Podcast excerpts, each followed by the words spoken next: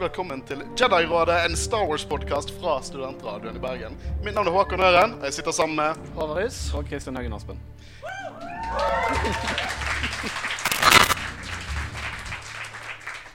litt annerledes i dag enn hvordan vi pleier å gjøre det. Det er det. men pleier vanligvis ikke å ha så mye publikum. Og så er det bedre luft der enn i studioet mitt. Eh, men uh, jeg sa jo det, vi hadde jo en liten generalprøve foran uh, tre venner. Og jeg tenkte vi kunne gjøre det for, sånn at det ikke det, det, er mye kleinere å sitte i en stue og presentere til tre venner. Uh, det, dette er mye mer kleinere. jeg tok helt feil. Uh, men vi har uh, litt av hvert på planen i dag. Vi skal ha en karakteranalyse av Obi-Wan Kenobi. Det kommer jo ut en serie nå i slutten av mai. Det kommer ut en ny trailer i dag, faktisk. Så vi skal ta og diskutere Obi-Wan litt. Grann. Men vi skal også ha en quiz. Jeg har funnet ut ganske fort at hvis du skal ha folk komme på en livesending, så ha en quiz. Ha en Star Wars-quiz. sånn uansett tema, bare ha en Star Wars-quiz, så kommer det folk. Eh, og tusen takk til alle som har dukket opp. Det er helt fantastisk. Eh, jeg vil også takke Outland Bergen, som har gitt oss eh, en goodiebag av premier, som dere ser her nede. Som eh, et lag her kan ta med seg hjem hvis de vinner. da. Det er en ganske vanskelig quiz. Så. Eh, men det er mer info om den quizen etter eh, karakteranalysen. For vi eh, skal snakke om Obi-Wan Kenobi. En eh, karakter som er like gammel som Star Wars sjøl. Eh, så vi har jo selvfølgelig mye nostalgi til den karakteren. Vi har alltid, denne gamle bandet har alltid vært der for oss. Så la oss bare begynne med det. Hva betyr Obi-Wan for dere? For meg så er han på en måte um, noe av det største med Star Wars. Eh, som du sier, han har alltid vært der. Eh, han har alltid vært en eh, gammel, rar mann. eh, en eh, trollmann.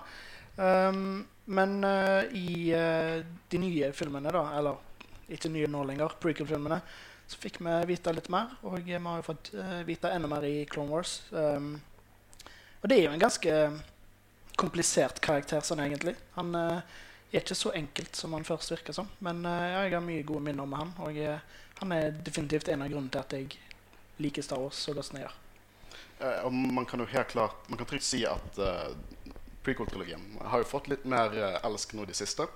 Eh, folk har redirigert hatet sitt til en ny trilogi. Men eh, det er jo en karakter som man kan diskutere kanskje noe av høydepunktene i prequel-trilogien. Ja, Ewan McGregor var jo uh, uh, en av høydepunktene med prequel-trilogien. Og jeg har jo stor betydning for Kenobi. Jeg, sammen som du sa, Håvard, han er en meget stor karakter. En veldig dyp historie. Uh, og eh, den lightsaberen dere ser foran her, det var et av mine første samleobjektkjøp, og den tilhører Kenobi, eh, som han bruker i eh, A New Hope, f.eks. Eh, Christian sa jo det at han hadde lyst til å sitte med en Ignited under sending. Det hadde på. ødelagt lydopptaket. Christian Ja, han laget lyd. Han er veldig kul. Jeg kan gjøre litt moves etterpå. Eh, så for meg, da, Obi-Wan Jeg har jo alltid eh, vært en Empire Man. Du sitter der med lightsaberen din, jeg sitter her med mitt idol. Eh, og, eh, men han har alltid vært der. Og jeg husker fra da jeg begynte Jeg hadde en veldig rar rekkefølge. Vi skulle ha hørt Jedi-rådet, så jeg snakket om en rekkefølge først. Jeg så først Attack of the Clones. Skal sitere min far, verste filmen han noen gang har sett. Eh, og så hoppet jeg til Empire Strikes Back, og så hoppet jeg til Phantom Menace, og så New Hope, og så Return of the Jedi, og så Empire, eh, Revenge of the Sith. Jeg, jeg må bare fortelle en ting, for at, uh, jeg kom på en artig historie når du snakket om filmene. Er at uh, Jeg var sammen med samboeren min for å se New Hope live in concert eh, med Stockholm Filharmoniske Orkester. Uh, og Da hadde vi vært ute og spist og skulle da ta bussen til Telenor Arena for å se konserten. Og så når vi hadde ankommet der, da, så viste det seg at det var ingen mennesker der. Så vi begynte å lure ok, vi får vente et kvarter og se om dørene åpner seg og det kommer folk. Så satt vi oss ned på en stein der og bare ventet litt, og så begynte jeg bare å ta opp billetten og se på dem. Oslo Spektrum.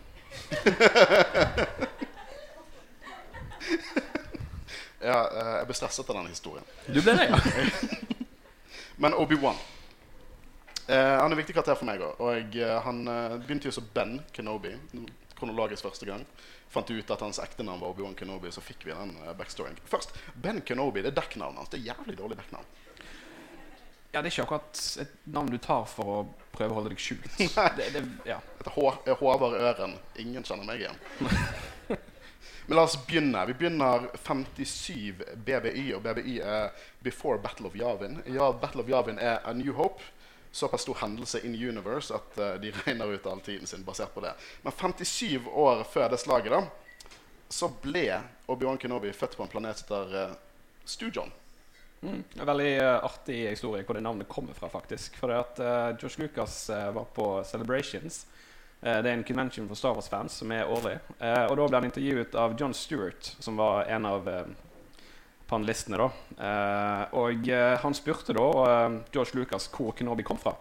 Og da eh, sa han det at eh, dette var noe av det første jeg skrev i manuset eh, til det første utkastet av Star Wars.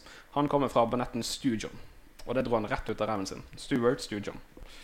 Og det er canon. Det er canon, ja. Det er canon. uh, og største hendelsen da, snak, Vi kan jo ta en liten lord-dump om Stujon. Eh, største hendelsen som forekom på denne planeten, det var at 57 år før slaget om Yavin så ble en Jedi født der, heter Obi-Wan Kenobi. Uh, det er den største og eneste hendelsen vi vet om med den planeten. Men den er nevnt i tre Star Wars-verk. det kan en. Men vi hopper videre, og det er Kenobi som youngling og Padawan. Tidligere årene til, uh, til Obi-Wan. Mye, mye, uh, mye, av det vi ser i prequel-trilogien i Clone Wars. Og egentlig hele hans liv ble påvirket der. Og det interessante med Obi-Wan vi, vi, har sett Obi-Wan. Han er på en måte den kloke læremesteren eller den eh, bitre, mesteren i Attack of the Clones. Men i begynnelsen var han veldig opprørsk. Han var en opprørsk ung Jedi. Og Det er jo ganske stor kontrast til hvordan vi ser han i filmene. da. Fordi han er jo I hvert fall i senere verk så er han ganske rolig og har full kontroll over alt. Han er jo på en måte en ganske flink Jedi òg. Og det at han var rebelsk, òg påvirket jo òg eh, eh, vanskeligheter med å finne en mester. Jeg holdt på å si, Før han fikk eh, litt hjelp av Yoda og endte opp med gjennom rådet å få Quaigon. Og det, Yoda og rådet gjør jo det Jediene gjør best. De har to problembarn.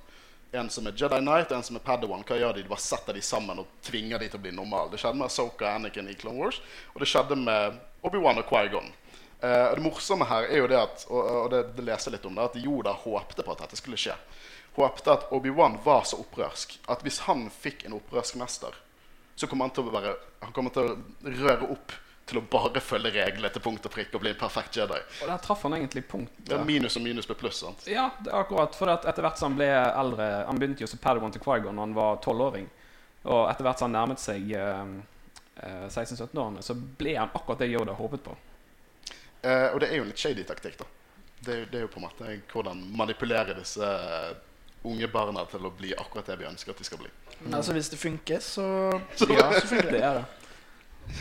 Um, jeg har lyst å, å snakke litt om, om, om Quaigon. Quaigon er en viktig karakter. Uh, hvis dere har hørt uh, Jedi Røde tidligere, så har vi sagt at Quaigon Gin, altså Liam Neeson sin karakter for Phantom Menace, er law-messig en av de viktigste karakterene. Han setter alt i gang. Uh, og uh, Quaigon er jo som sagt mesteren til Obi-Wan under Phantom Menace. Og hans tidligere mester er jo Count Dooku, Darth Tyrannus himself. Mm. Og egentlig mye av det som definerer Quaigan Gin, i hvert fall i Phantom Menace, som er det eneste filmen han har vært med i, er at han snakker veldig mye om denne profetien om uh, at Anakin er the chosen one. Og det har han holdt på med lenge. Det var lenge før han møtte Anakin. Og som Padawan ble Obi-Wan han ble tvungen til å ja, uh, Han likte det ikke så godt, men han respekterte valgene. Men han ble tvunget å bruke mye deler av fritiden sin på å lære mer om denne profetien. da. Brukte veldig mye tid på biblioteket og leste masse greier.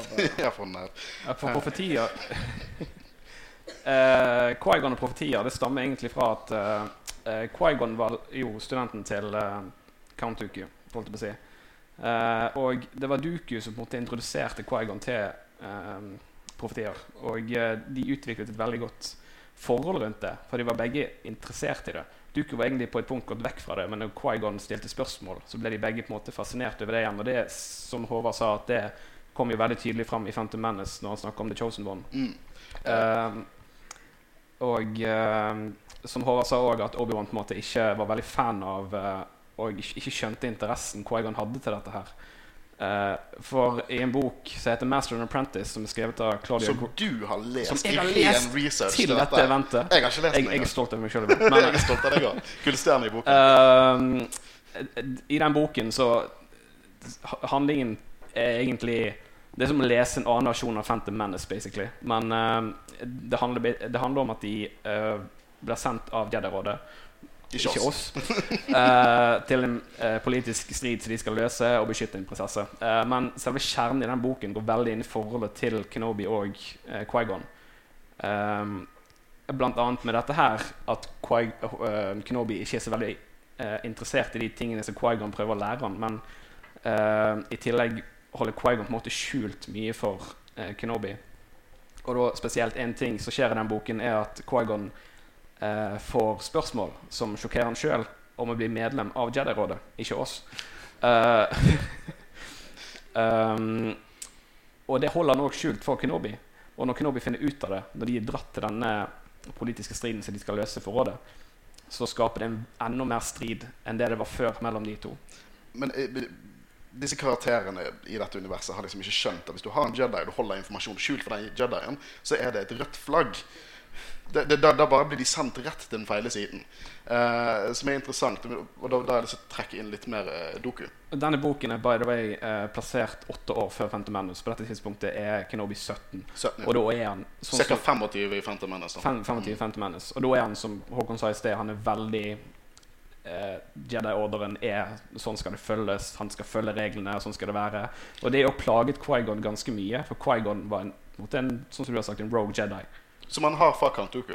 Ja, Som, som, for Count Dooku Vi har på en måte sett han uh, i, i prequel-trilogien, Uh, og uh, han blir jo veldig representert som Dracula. til de som tar den referansen. Han er ba veldig bad guy i, den, i de filmene, og egentlig i Clone Wars. Men Count Dooku er egentlig en person, en av få Jedier som har forlatt Jedi-ordren frivillig. fredelig. Han har en byste av seg sjøl i, i arkivene på tempelet. Eh, og eh, er i bunn og grunn, før han er en Sith Lord, ikke en bad guy.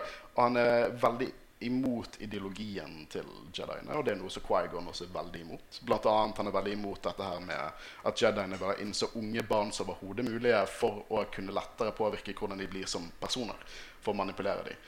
Eh, det er rett og slett det de gjør. De er en, kult på veldig mange måter. Det er det de gjør. Og Quaigon er veldig imot det. Han har ikke lyst til å være på rådet veldig mye pga. de motsetningene de har. Og det kan jo man tenke seg er motsetninger som henger igjen fra hva Count Dooku har lært han som mester. Ja, du kan på en måte si at han ville kanskje forlatt ordren eh, hvis det var det som avgjorde om han fikk trene Anakin eller ikke. Absolutt. Og i tillegg, eh, hadde vi kommet til klonekrigen, så tror jeg ikke han hadde vært i ordren heller. Han hadde i hvert fall ikke vært en general. Nei, det er garantert. Um, Qui-Gon er jo på en måte den moderne prime Jedi. Han er i hvert fall eh, etter min mening eh, en Jedi som har forstått hva det vil si å være balansert. Han, han, det, ikke, det skal ikke være så strengt og ensidig som Jediene under republikken, i hvert fall under prequel-republikken, eh, skal ha det til. Eh, og eh, det, det er jo noe som, som på en måte prequel-trilogien handler om. da. Du kan argumentere at Josh Lucas ikke veldig godt viste fram at uh, dette er en stor kritikk til på en måte republikken og Jediene der. Uh, men Clone Wars har i hvert fall understreket at det er en kritikk. Og det er jo sikkert noe vi nevner hver eneste episode vi har dekket av Clone Wars. Hvor mye de kritiserer Jediene. Hvor mye filosofisk diskusjon det egentlig er der. Um, men uh, dette her med, med Duel of the Fates så vi, vi går liksom mer opp der i slutten av Phantom Menace. Den duellen mellom Quaigon og Darth Maul, uh, og hvor viktig den er. Ikke bare for Anakin sitt uh, Obi-Wan sitt liv, men også Anakin sitt liv. Du kan på en måte sitere eh, Å, hjelp. Dave Filoni. Dave Filoni, Du glemmer alltid navn. Ja, jeg vet det. Det Eh, ene kveld du skal huske alt, og så glemmer du det. Tro meg, vi nettopp begynt. Eh, ja, Dave Filoni sa jo så uh, fint at uh, Duel of the Fate, Anakin, er liksom Hvis Quaigon hadde trent han, da hadde utfallet vært garantert helt annerledes. Så den duellen de har der, er virkelig Duel of the Fates og hva som skjer videre. Ja, og Dave Filoni han, han snakker jo om dette i Star Wars Gallery. Men behind the scenes på Mandalorian, som er en Mm. utrolig god serie på Disney Pluss hvis du vil ha litt sånn uh, metakunnskap. Uh, så det er absolutt verdt å sjekke ut. Uh, men det handler jo nå om at, uh, at eh, Qui-Gon han er jo villig til å kaste vekk Obi-Wan som Padawan for å ta Anakin under sin vinge. Og eh, det er jo igjen det du sier, Håvard, med profetier eh, om at han på en måte Fullt fokus på det. Full tro på det. Ja, han sier jo òg at eh, Obi-Wan Han er klar til å bli eh, jedi-mester. Eller jedi-ridder, i hvert fall. Eh, men eh, det er jo Jeg lurer veldig på om han egentlig mente det, eh, eller om han bare på en måte brukte det som en unnskyldning til å få kunne trene opp Anakin. Men eh, det må jo ha Jeg, jeg tror jo på vært litt grunn vanskelig for Obi-Wan i hvert fall å plutselig bare bli kasta ut. Selv om han, han føler jo sjøl at han er klar òg, da. Men uh... Han sier så, i hvert fall. Han sier så han er klar. Men jeg tror jo òg på det at Qui-Gon er veldig opptatt av profetier og The Chosen One. At han vil egentlig gjøre, gjøre alt for å få Anakin Han nedprioriterer Obi-Wan i dette øyeblikket. Basically. Uh, så jeg, uh, På Wikipedia så står det det at Obi-Wan, nei, Qui-Gon mente Obi-Wan var klar. Han sier det, men det største problemet med Wikipedia er at de tar alt superbokstavelig. Det er et close-up av Liam Neeson der han lager det kleineste fjeset når Obi-Wan sier at han er klar. Qui-Gon mener ikke han er klar. Qui-Gon driter i det. Eller han driter ikke det. Han nedprioriterer. For Qui-Gon mener ikke at Obi-Wan er klar til å bli jedi-ridder på det tidspunktet. Han bare trenger å ha Padawan. Han trenger Anakin som Padawan fordi han senser eller mener at det er viktigere for han som jedi-mester å ta Anakin under sin vinge enn å beholde Obi-Wan. Absolutt min mening på det. Se den scenen igjen. Liam Neeson lager det kleineste fjeset. Det er close-up der. Ikke et fjes det er en som er betrygget over det som uh, eleven hans sier er sant. Um, men når Qui-Gon dør, så blir jo Kenobi Anakin sitt eneste håp. Uh, og det er jo det vi har snakket om med Dave Filoni, hvor denne kampen havner, havner om skjebnen skjebnen til, til Anakin Skywalker. Og jeg, jeg har sagt det tusen ganger på sending, men det er min favoritt, eh, favoritt på en måte tankegang om Kenobi som mester til Anakin. Kenobi er C-studenten som skal lære opp A-studenten. Det går bare ikke. For deres mester-padawan-forhold er preget av sjalusi. eh, det er preget av ydmykelse. Ser, det, det er så kleint å se Attack of the Clones. Veldig mye pga. dialogen, men også veldig mye pga. Av hvordan han kjefter på Anakin foran andre og virkelig setter han på plass. Og, og eh, vi fikk nettopp inn i dag tidlig faktisk, eh, fikk vi inn en eh, veldig fint eh, fanmail. Jeg skal ikke si navn, for jeg har ikke sagt at dette skal bli tatt opp. Men en utrolig godt skrevet fanmail. Det var åtte A4-sider. Det var en halv bachelor om Obi-Wan Kenobi. Og der, snakker, der snakket hun lytteren vår om, om på en måte ønskene og liksom behovene til, til Kenobi. Da, og hvordan han alltid har lyst til å leve opp. Han lever opp til å være en Jedi. Han, han, han vil på en måte vise at han kan være en Jedi. Og på mange måter så har jo ikke han har fortjent den rollen. Han har blitt eh, en jedi-ridder og mesteren til Anakin pga. nødvendighet. ja, det var på en måte et uhell. Eh, Qui-Gon Jinn døde, og Obi-Wan drepte Moll. Og så var det liksom Men eh, det er jo som sagt, han var jo ikke klar i det hele tatt. Eh, både for det og Han vet det sikkert sjøl, da. Ja. Eh, og det å bli en uh, Jedi Knight, for så vidt. Eh, og det var jo noe Qui-Gon Jinn og på en måte eh, mente med det ansiktsuttrykket som du nevnte tidligere. Ja. Se det. Det er helt Eh, men det er jo en, uh, en kortnovelle fra Certain Point of View òg, som går innom dette her, hvor uh, Qui-Gon dukker opp til eh, Kenobi eh, i A New Hope, faktisk. Eh, hvor han òg sier til Kenobi at eh, det er ikke Kenobi sin feil, det som har skjedd. Det falles på hans skulder fordi at han burde ikke fortalt Kenobi trening-gutten, fordi at han visste at han egentlig ikke var klar, og ikke var klar til å bli en Jedi Knight på det tidspunktet. Ja, absolutt. Og det understreker jo litt, litt det vi sier. Eh, men det er et skift i karakter. Eh, og det er liksom Obi-Wan under klonekrigen eller under Revenge of the Sith. Det er liksom vekk med sinte Jesus og fram med 'Hello there'. Uh, for han er et rådsmedlem nå, og det kan jo forklare en endring i personlighet. Ja, han ble kastet på denne jedi-ridder-rollen av nødvendighet. Men det er ikke nødvendig at han er på rådet, så han må jo ha fortjent det. Mm. Og du merker jo òg det at han, uh, han stiller ikke så mye spørsmål lenger. Fordi som padawan til Qui-Gon Jinn, så, så Han respekterte Qui-Gon Jinn, men han stilte òg veldig mye spørsmål og på en måte ville ha svar på ting og alt mulig sånn. Men som en, et rådsmedlem så, så gjør han som regel det han blir fortalt, uten Han gjør ikke så mye ut av seg, nei. Nei. Han sitter der. Men med tanke på det at han eh, er medlem av rådet nå eh, eh, jeg tilbake på dette med at eh, Qui-Gon fikk et tilbud om å bli medlem av rådet. Eh, det at Qui-Gon ikke sa dette til Kenobi, eh, såret han jo på to forskjellige måter. Det at han ikke fortalte han, men òg fordi at han takket nei. Uh, for det at Kenobi på det tidspunktet mente at det var den høyeste æren du kunne få uh, som en Jedi. Så det er jo òg til det, det. det, det å leve opp til det og få det tilbudet Så han hadde sikkert takket ja til det på sekundet de hadde spurt. Ja, men jeg tror også han måtte følt seg klar sjøl. Ja. For jeg, jeg, jeg tror mye av det Ja, jeg tror det er, det er noe bitterhet og sjalusi absolutt eh, mot Anakin, men også det at han, ikke har, han har fått denne her egentlig, i hans øyne store rollen som han vet innerst inne at han ikke har fortjent. Han har ikke levd opp til det sjøl. Det på grunn av han at han har oppnådd det. Men under klonekrigene så er han, han er en god venn til Anakin. Uh, han er rett og slett som en bror til Anakin. Og vi ser uh, Ben Kenobi i New Hope og snakker om, uh, om Anakin og sier at han var en god venn. Så er vi tilbake til Attack of the Clones, så ser vi ingenting av det. Men i Clone Wars Re eh, Revenge of the Sith så ser vi at de er gode venner. Men burde ikke han heller vært en far? For denne tiden så har Quaigon er død.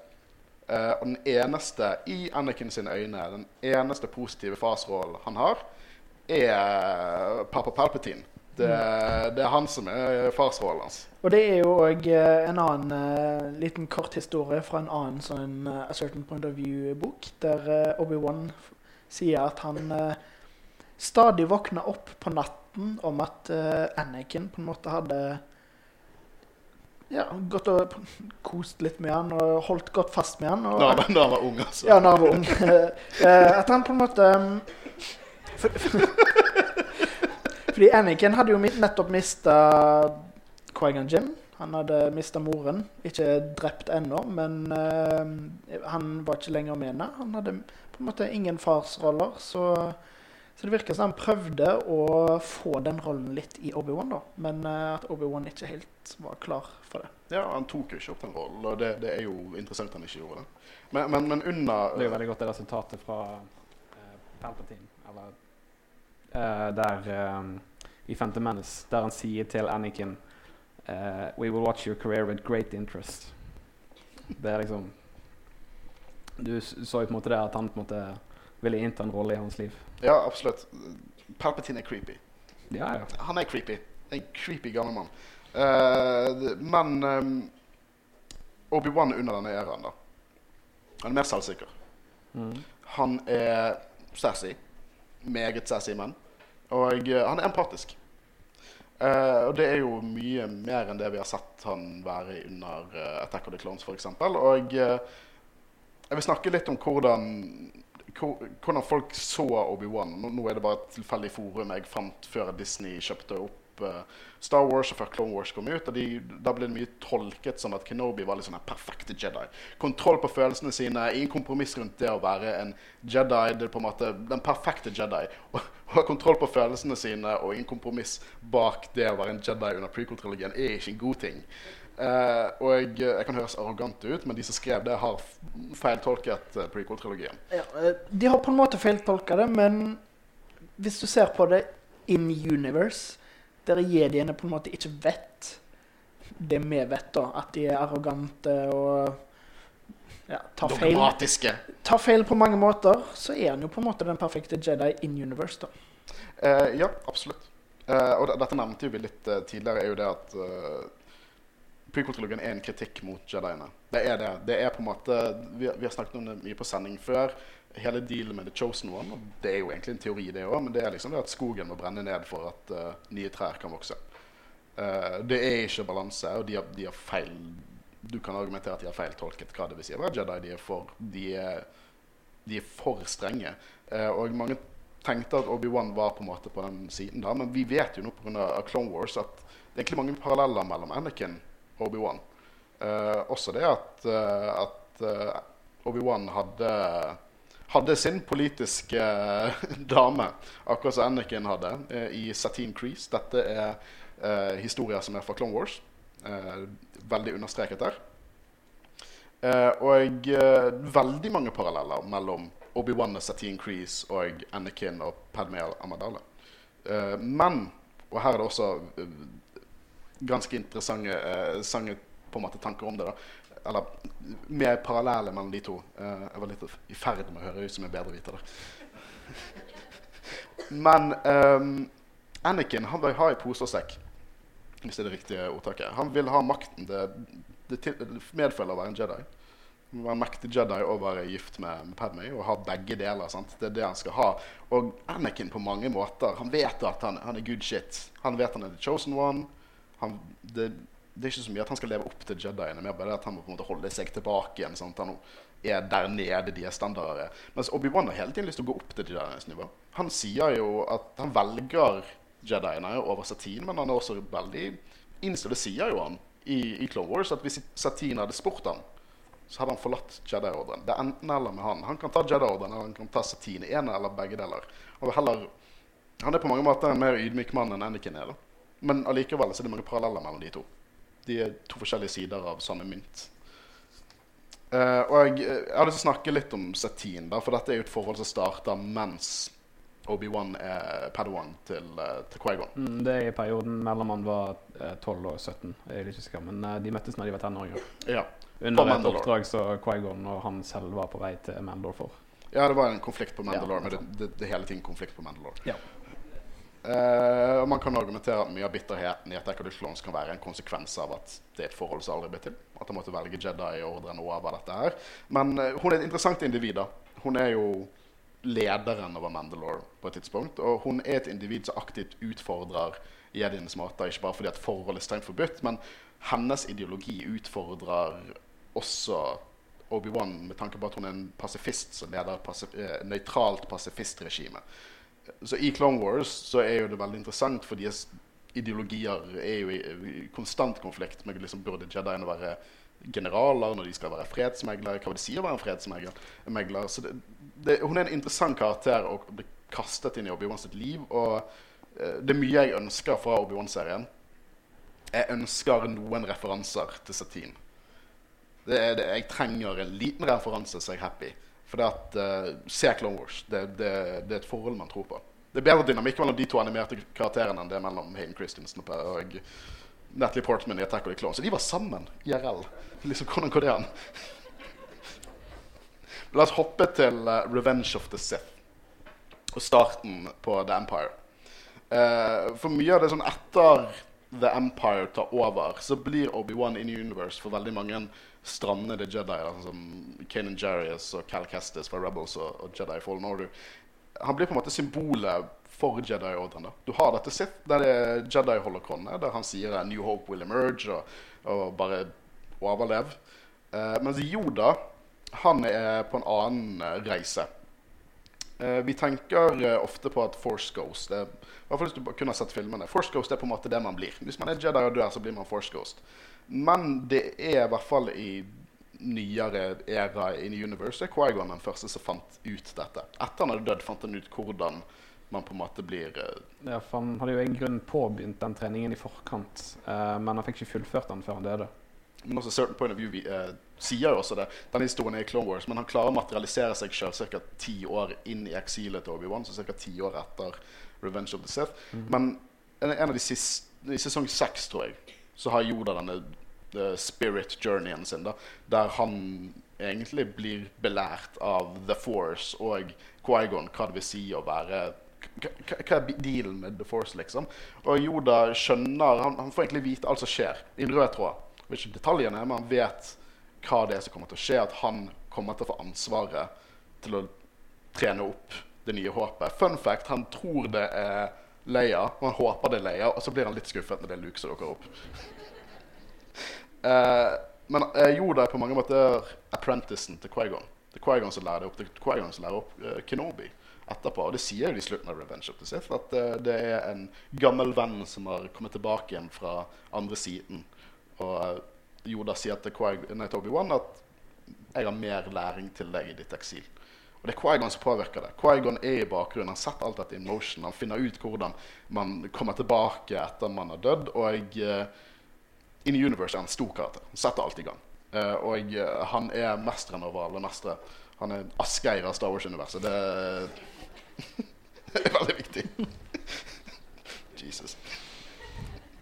Um, så det er jo her på en måte eh, Obi-Wan egentlig fortsetter læringen sin. da Går fra en perfekt prequel Jedi til å bli en, en god prime Jedi. Litt sånn som uh, Qui-Gon.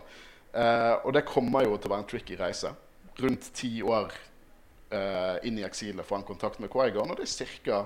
den tiden vi kommer til å se han i Kenobi-serien. Jeg tror at vi kommer til å se Kenobi på sitt laveste. rett og slett. Jeg tror vi kommer til å se en konflikt mellom hva det vil si å være en gammel Jedi for prequel-trilogien, hva det vil si å være den nye type Jedien. Jeg tror vi, jeg tror vi kommer til å se noe interessant intern konflikt hos Kenobi i den serien. Eh, vi snakker litt mer om, om, om Spekulerer litt mer om den serien på slutten her. Men Christian, vi må snakke om mål. Ja. Mål. Ja. Og eh, hvis dere har hørt på Jedi-rådet, så vet dere at jeg henger ganske langt, langt bak i Rebels. Har ikke sett alt? Jeg har ikke sett det, så jeg har veldig lite å Du skal bidra ikke ha livesendinger. Du skal liksom researche. Jeg tror jeg kjøper en øl. jeg. Ja. Nei, uh, målet er jo en Men Men vi kan ikke anta at alle her i salen bare har sett Clone Wars Rebels og tegneserien alt dette her. For alt de vet, så er det en sint rød, rød mann med to lightsabers som dør i Phantom Menace. Ja, han ble delt i to. Ja, han ble delt i to. Ja.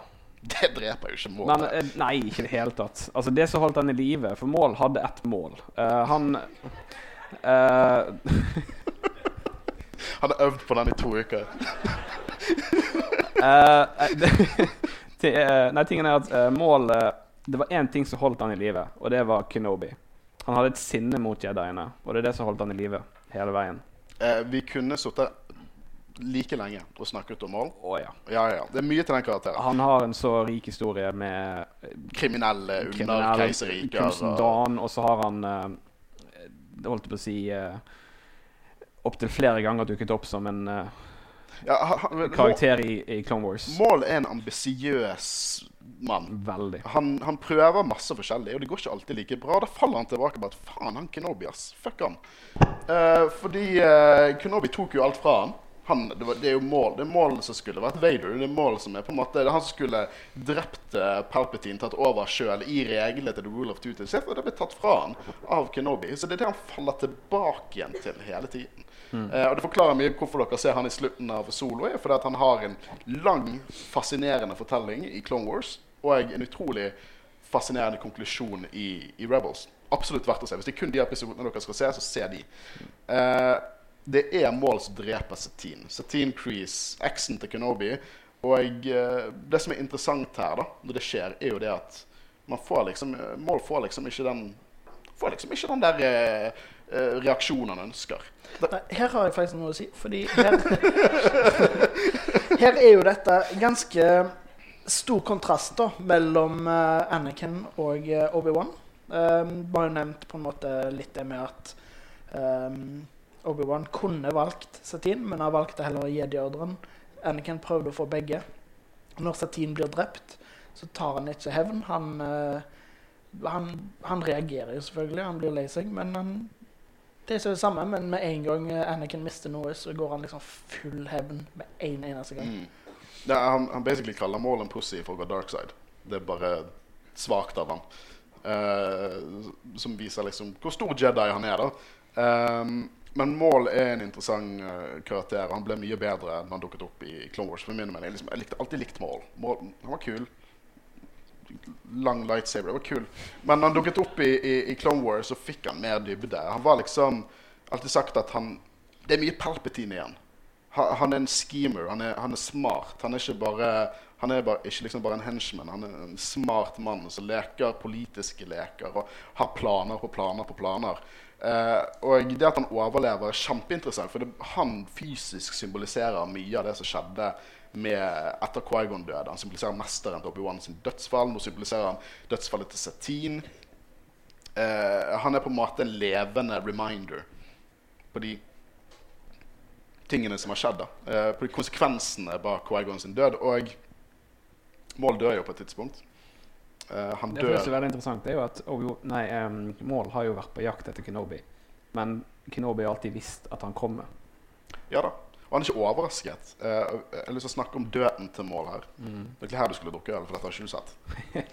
En uh, veldig, veldig flott episode i Rebels. eh, Twin vel- Sons. Twin Sons. Veldig poetisk scene der Maul finner Kenobi på Tatooine.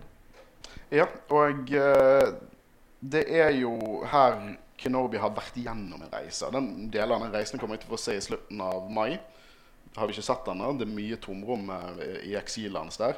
Men det er en rolig, liksom gammel Ben Kenobi-type Obi-Wan vi ser der. Holder seg helt rolig, helt til mål. Sier 'du er her for å beskytte noe'. Og da ser du han ignite lightsaberen først. For det, han, det er en reaksjon Det er som regel lightside-folkene som igniter først. Jeg skal ikke si noe at Empire did nothing wrong, men det er ni av ti ganger the good guys, the good guys som igniter lightsaberen sin først. Ja, altså Han gjør det jo på en reaksjon for det Maul sier der. Eh, men det som jeg synes er veldig interessant, er at han inntar tre forskjellige kampstillinger i den scenen. Den første han tar når han igniter lightsaberen, er på en måte en reaksjon med at han holder den på samme måte Jeg tror ikke jeg skal Nei, jeg skal ikke Jo, kom igjen, gjør det. Nei, Gjør det. Kom an. Jo, kom an. nei, men jeg Du er på scenen. Nå kan folk faktisk se deg. Nei, eh, anyway. Jeg, jeg gjør haster. dette Nei, men jeg, jeg, jeg husker ikke hvordan det var. Hva- det, Å, der, ja. Det var sånn, på en måte. ja. Veldig bra. Det var sånn. Veldig bra. Um, og um, Var det alt? OK. Og tingen er at han innser For det er en veldig stille Kan du være mål nå, Håvard? For det er et veldig fint øyeblikk før det på en måte skjer noe. Det er en stille sånn her eh, Det er en styrkekonkurranse mellom mål og Kenobi. Der han først holder lightsaberen i en reaksjon på det Maul sier. Men så endrer han den, for du ser på en måte at han innser at dette er feilene som er gjort før. Så da endrer han til å holde den på den måten som uh, han gjør i A New Hope. Som er Ben Kenobi. Um, og så ser du på en måte veldig poetisk at han endrer det tilbake. Fordi at Maul drepte Quaigon. Så han inntar Quaigon sin stilling. Er, det er så fantastisk. Og Maul prøver jo å drepe Obi-Wan sånn som han drepte Quaigon. Ja. Og det går jo ikke. Fordi at dette her er Isola Ruse eh, fra gamle Kenobi, og jeg, eh, det er en veldig fin scene. Det er en veldig kul kampscene. Gikk på en måte raskt ned, og mye av de posisjonene han lager, på en måte egentlig symboliserer reisen han har vært gjennom, og de som har påvirket reisen hans. Eh, men til siste, siste slutt så dreper Obi-Wan Kenobi Maul, men måten Det er to brødre. Da, da er det Maul som ligger i armene til Kenobi. Han spør om Is he the chosen one? det er jo akkurat det der, måten han holder mål Det viser hva karakter Kenobi er. For det er akkurat samme måten som han holdt eh, Quaigon når han døde, og Satine når hun døde. Og, og med, med samtale opp mot en duell så er jo på en måte målet gjør narr av det. Se, se hva du har blitt. En, ør, en ørkenrotte. Og så sier Kenobi se hva jeg har på en måte hevet meg over. Ja. Eh, og det er jo det eh, Kenobi har hevet seg opp. Han har, han har blitt den Jedien han ønsker å bli. Men mål har vært det samme. Han har vært stuck på dette hatet. Han har ikke klart å endre seg. Og han dør i armene til Kenobi. Og de dør som brødre, begge ofre av The Sith. Uh, utrolig, utrolig fin serie og fin uh, episode i den serien. Uh, Hvilken sesong var dette i? Tre. Så det er ikke så lenge til jeg får sett det. da. Nei da. Oi, spoilet vi det for deg nå? Beklager. Eh, men vi må snakke om eh, Vi må snakke om Vader også. Han er tross alt litt grann viktig. Ja, han er favoritt. eh, Han er min favoritt. Ja. favoritt ja. Eh, se på han. Men det er jo Anakin Skywalker, hans nære venn, som falt. Og uh, Obi-Wan føler jo at han har feilet eh, ved eh, Anakin totalt. Han sier såpass til han på Mustafar i episode tre. Og uh, vi har snakket litt om paralleller der pose og sekk versus velge enten eller leve, uh, på en måte bøye seg ned, være ydmyk versus å på en måte leve opp til standarder. Men uh, Obi-Wan føler seg delvis skyldig. Og man kan argumentere at han er delvis skyldig. Burde han kanskje vært en far istedenfor en bror? Eh, men på en måte er Obi-Wan et offer for det organisatoriske det å være en Jedi. Sånn. På, på mange måter er hele organisasjonen The Jedi skyldige. Her er det liksom en ung gutt dratt vekk fra moren sin, eh, og alle, alle følelser den guttungen har, blir han bare fortalt. Men trykk det ned. Nei! Er det rart at han er klein i Attack of the Clowns? Han har jo ikke snakket med med det motsatte kjønn i det hele tatt. Det er jo ikke rart at han er klein. Det, det er min headcanon for å få filmen til å fungere. Um, men Anniken har jo selvfølgelig liten skyld der. Det, han drepte masse unger, liksom. Uh, det ironiske her er jo det at Anniken går gjennom mange av de problemene som Obi-Wan kan føle seg med i. Uh, til en så stor grad at Obi-Wan vet dette. Obi-Wan vet om Padmay. Det ser vi i slutten av Clone Wars. helt klart han, uh, han, Der Anakin skjuler seg med å på en måte snakke med Padme, og eh, Kenobi sier 'hils til, da. Han er fullt og helt klar over det, og det triste her er jo det om Anakin og Padme hadde spurt om hjelp, så hadde nok Obi-Wan stilt opp. Mm. Men samtidig så er det sånn Det går begge veier òg. Obi-Wan kunne tilbudt seg hjelp, og, eh, sånn, men han gjør det ikke. Fordi det er på en måte Kanskje vanskelig å snakke om. Ja, kanskje hvis han hadde tatt en mer farrolle, hadde det vært enklere for han å på en måte aktivt tatt eh, tak i det før det var for seint. Han har jo også et forhold til Luke, og vi ser han i New Hope. Og det, det som er interessant nå, nå når jeg begynte å, å researche litt her og tenke litt dypere på, på Obi-Wan, er jo det at når vi ser han i New Hope, så er han mer som Quaigon enn noe annet. Han, han er på en måte han, han er helt klart klokere. Tar litt mer med ro. Uh, han forteller ikke sannheten akkurat sånn som den er. Fra en certain point of view. Uh, man kan si at han Jeg vil ikke si det er manipulerende, men han, han prøver å dytte Luke i den veien han har lyst til at Luke skal bli dyttet. Og det er veldig Quaigon i Phantom Menace. Eh, hvordan han leker seg litt på den måten. Ikke ondsidig, men men mer menneskelig. Ja, for da er jo inni den der eh, novellen igjen fra Certain Point of View, med der Quaigon dukker opp til Kenobi, så forteller jo Kenobi at han har bare fortalt eh, litt av sannheten. Og det sier jo Quaigon er Det lureste er å fortelle han når han er mer stabil og klar og er bedre kjent med kraften. For hvis ikke så på en måte kan han Hvis hele sannheten blir fortalt nå, så kan han på en måte bli forvirret, skape et sinne og mer sannsynlig snu til den mørke siden. Det, det er noe uh, Luke er nødt til å på en måte oppdage sjøl. Mm. Han har en egen reise han må gjennom han kanskje blir fortalt alt. Og vi kan ikke, vi kan, vi, Hvis vi hadde sittet og diskutert på liksom, eh, hva Force Ghost ønsker, og hvordan det fungerer, så hadde vi sittet her hele natt. Fordi at eh, de ser fortiden, fremtiden. De lever overalt. og Noe kan de fortelle, noe kan de ikke fortelle. Noe velger de ikke fortelle. I a certain point of view så er det visst et helvete å dra tilbake til den fysiske verden. Typisk sånn at Quaigon synes det er et ork å måtte gå og snakke med Obi-Wan. Han synes det er helt jævlig å forlate paradis til å dra snakke med han i hytten sin på Tatooine. Mm, det, det er det Quaigon også sier til eh, Luke, forresten. Eh, bare for å si det at eh, han må finne sin egen vei, og hans skjebne slutter ikke her, på en måte, på dette stedet. Eh, men det som er interessant, da, er jo det at uh, Obi-Wan han blir jo Force Ghost sjøl. Han lærer å oppnå det. Eh, han dør i Star Wars sin mest antiklimaktiske duell noensinne, New Hope. Eh, han versus Vader. Og han har fortsatt litt å lære. Det er det som er interessant. Selv om han er Force Ghost, så slutter på en måte ikke Uh, Jeg har sett på Kompani Lauritzen. Uh, veldig gøy. Veldig fan av, av Mayo. Jeg trodde ikke han, jeg bare ønsker han vant. Uh, livet er et lære, og det er å være Force Ghost også. um, så han lærer jo mye under Yoda. Yoda som er fysisk til stede. Så er på en måte eh, Force Ghost Obi-Wan ikke fullt der. Litt på, sånn når vi ser han i, eh, i Empire Strikes Back. Nei, eh, Return of the Jedi. Han snakker i absolutt Hvis ikke Luke dreper Vader, så all lost. Jeg lurer litt på hva grunnen til det er. Om det skyldes litt at han kanskje føler seg litt skyldig i hva som skjedde med egentlig hele verdensrommet. Eh, fordi Anakin drepte masse younglings. Anakin var med og på en måte en viktig del av Order 66, en viktig del av at Empire eh, tok over makten. Så det kan jo hende at han på en måte føler at OK, jeg fucka skikkelig opp med å la Anakin gjøre alt det der. Kanskje hvis han dør, at da gjør det noe godt igjen, liksom. Det er jo en god mulighet til at vi får se noe av, av grunnen. For mm, Obi-Wan i originaltrilogien er jo Nei, Anakin er død. Ingenting er Anakin igjen. Det er Vader nå. Men kommer han til å være sånn under Kenobi-serien? Kommer vi til å se en, en hendelse som fører til at han blir litt mer Det er ingen håp. Vi må drepe han. Eller, ingen, eller så funker ikke det. Mens Yoda i originaltrilogien har litt sånn Nei, bare la dette rulle. Se hvor det går. Han, han har lært seg å stole på kraften. da. Uh, så han har, Kenobi har jo fortsatt ting å lære når han tilsynelatende egentlig skulle bare vært en Jedi-gud.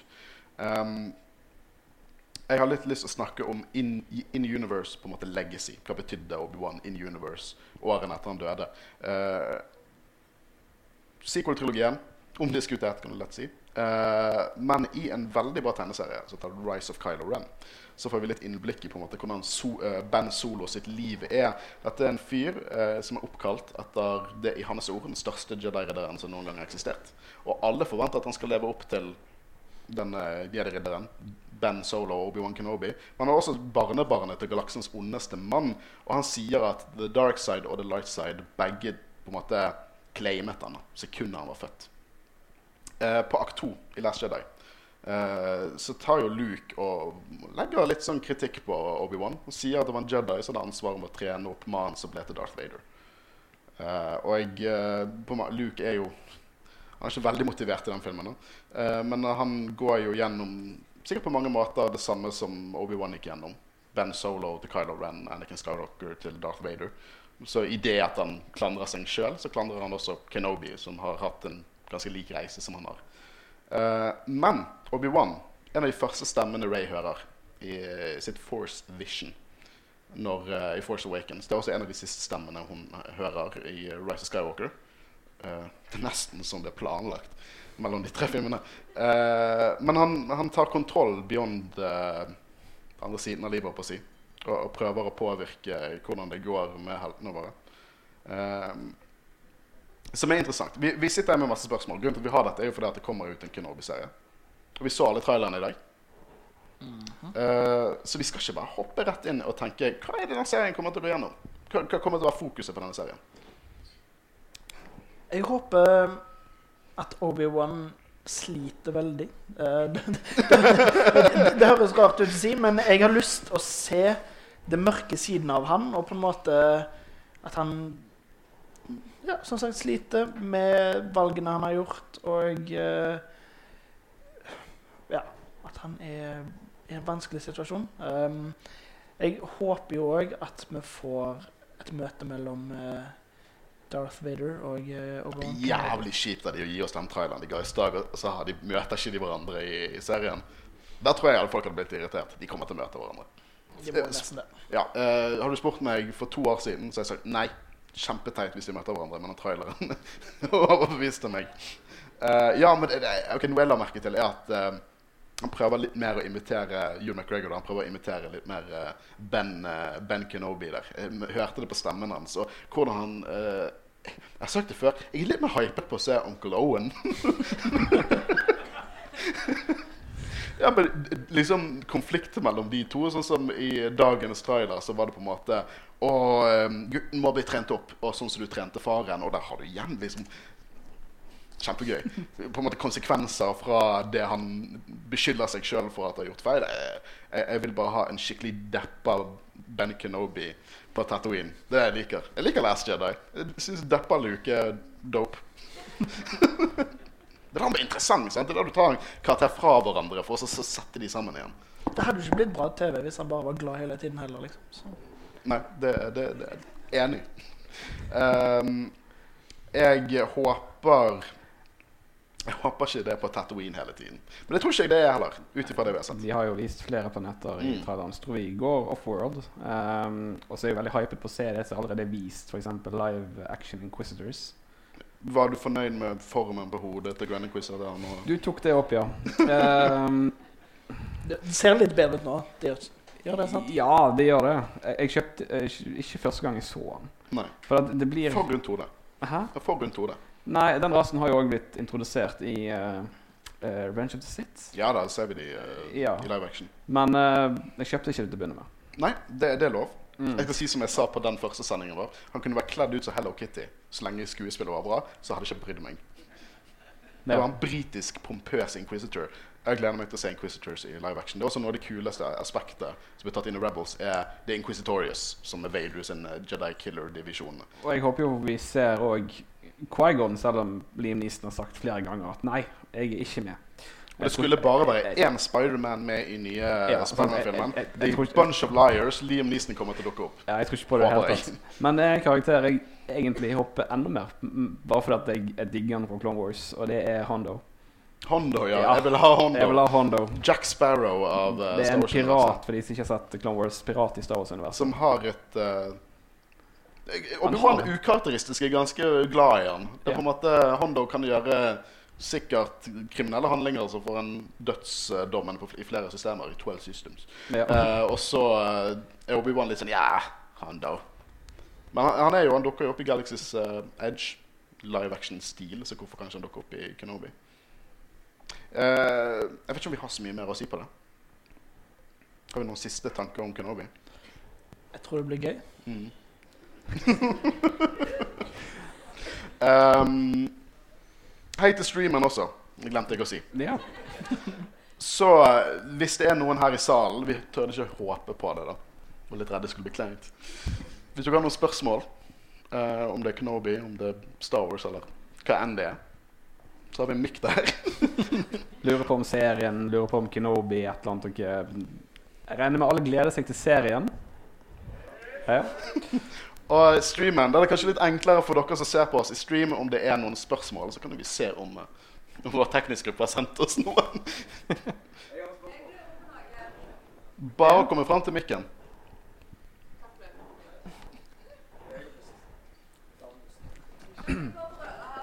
Brød derfra. ja, det går fint, det. Det er jo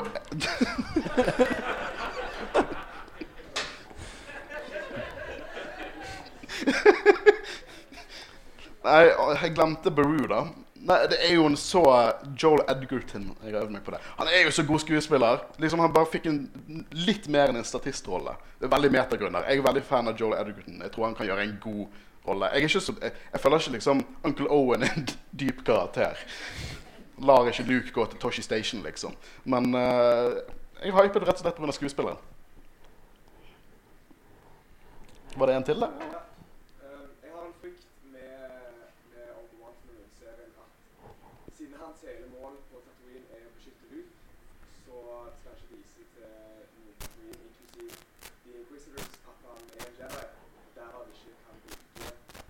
Sverdet særlig mye. Så er spesielt Inquisitors, men også hvis vi møter Vader, så ser jeg for meg at det kan bare være i en force protection-type ting.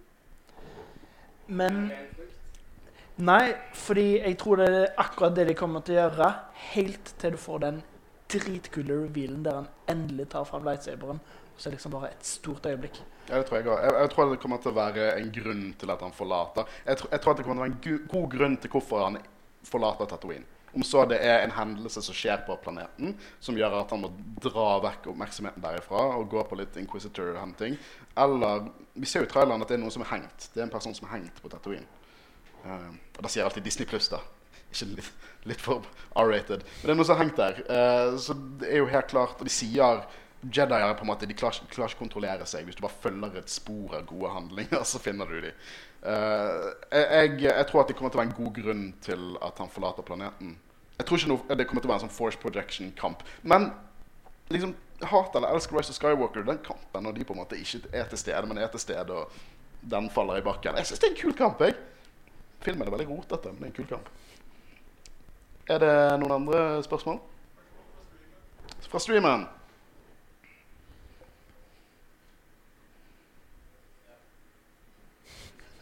Synes dere ikke det er rart å se The Grand Inquisitor med kappe på? Her har vi snakket om hodeformen, så det er ingen som har Ja, det. Jeg, jeg tenker enda mer på uh, helikopter-lightsabers fremfor Men det gleder meg litt å se. Det gleder meg til å se. Ja. Kjempeteit i, i, i Rebels, men helikopter-lightsaber det er kjempegøy. Uh, men Det jeg verste er at jeg, jeg tror jeg har lest det, at de bruker faktisk helikopter sounds når de spiller si det. Det er så teit.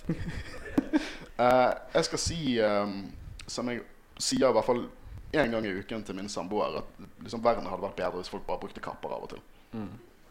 Politikerne våre burde bruke kapper. Det er bare kulere med kapper. Eneste grunn til at jeg ikke går med kappe nå, for det samfunnet lar meg ikke. Nei, men jeg tenker vi, vi stopper det der. Tusen, tusen takk for uh, alle spørsmål. Eh, og for at dere satt og hørte på oss nerde ut. Jeg har kappe noe, for det samfunnet lar meg ikke. Nei, men jeg tenker vi, vi stopper det. Sånn jeg høres ut. Um, jeg har lyst til å uh, Jeg har en liste her. Jeg har lyst til å takke ganske mange folk. Jeg har lyst til å takke Christian, teknisk sjef. Jeg har lyst til å takke Magnus og Michael, hele lydgruppen der borte. Gi en applaus til dem.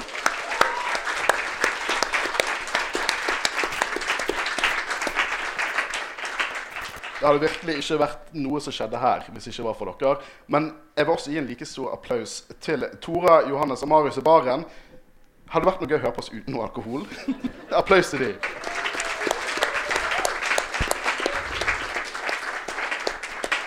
Apropos alkohol. Min, eh, min kjære samboer holder seg edru for å være ansvarlig kontaktperson til kvarteret. Applaus til henne.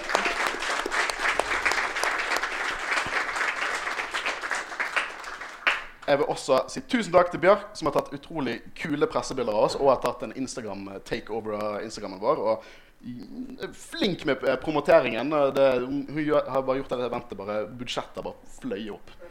Kjempe, eh, det, det ser kulere ut, liksom. Ja. Finner ikke ord. T Takk til deg, Bjørk.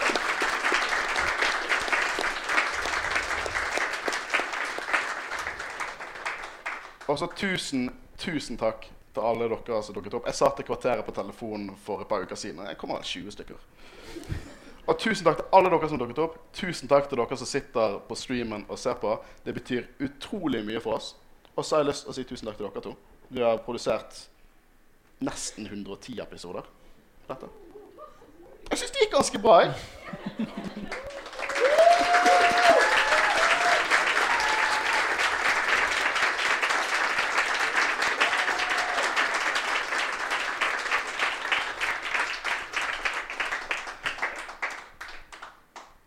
Mitt navn er Håkon Øren, og jeg har sittet sammen med Håvaris. Og Kristin Høgen Aspen. Og vi har vært Jedi-rådet. Vi snakkes med quiz om et par minutter, og vi sier ha det til streamen. Dere hører eh, oss på din podcastplattform sikkert neste uke en gang. Ha det godt. Ha det bra.